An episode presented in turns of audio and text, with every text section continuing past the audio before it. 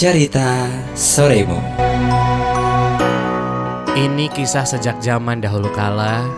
Suatu ketika seorang laki-laki beserta anaknya membawa seekor keledai ke pasar.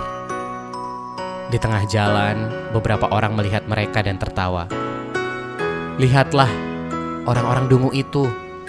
Mengapa mereka tidak naik ke atas keledai itu? Laki-laki itu mendengar perkataan tersebut ia lalu meminta anaknya naik ke atas keledai. Seorang perempuan tua melihat mereka. Sudah terbalik dunia ini. Sungguh anak tidak tahu diri.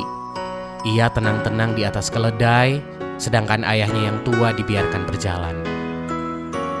Kali ini si anak turun dari punggung keledai dan ayahnya yang naik. Tidak lama kemudian, sekelompok orang lewat.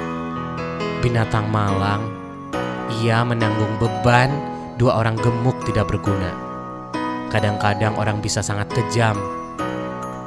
Sampai di sini, ayah dan anak itu sudah muak. Mereka memutuskan untuk memanggul keledai itu. Melihat kejadian itu, orang-orang tertawa terbahak-bahak.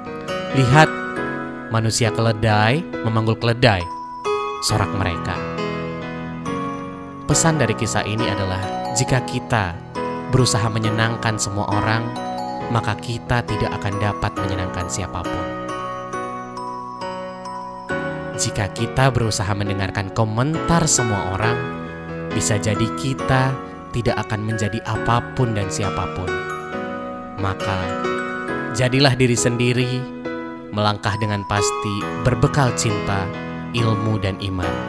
Karena dengan cinta, hidup menjadi indah dengan ilmu hidup menjadi mudah, dan dengan iman hidup kian terarah. Cerita Soremu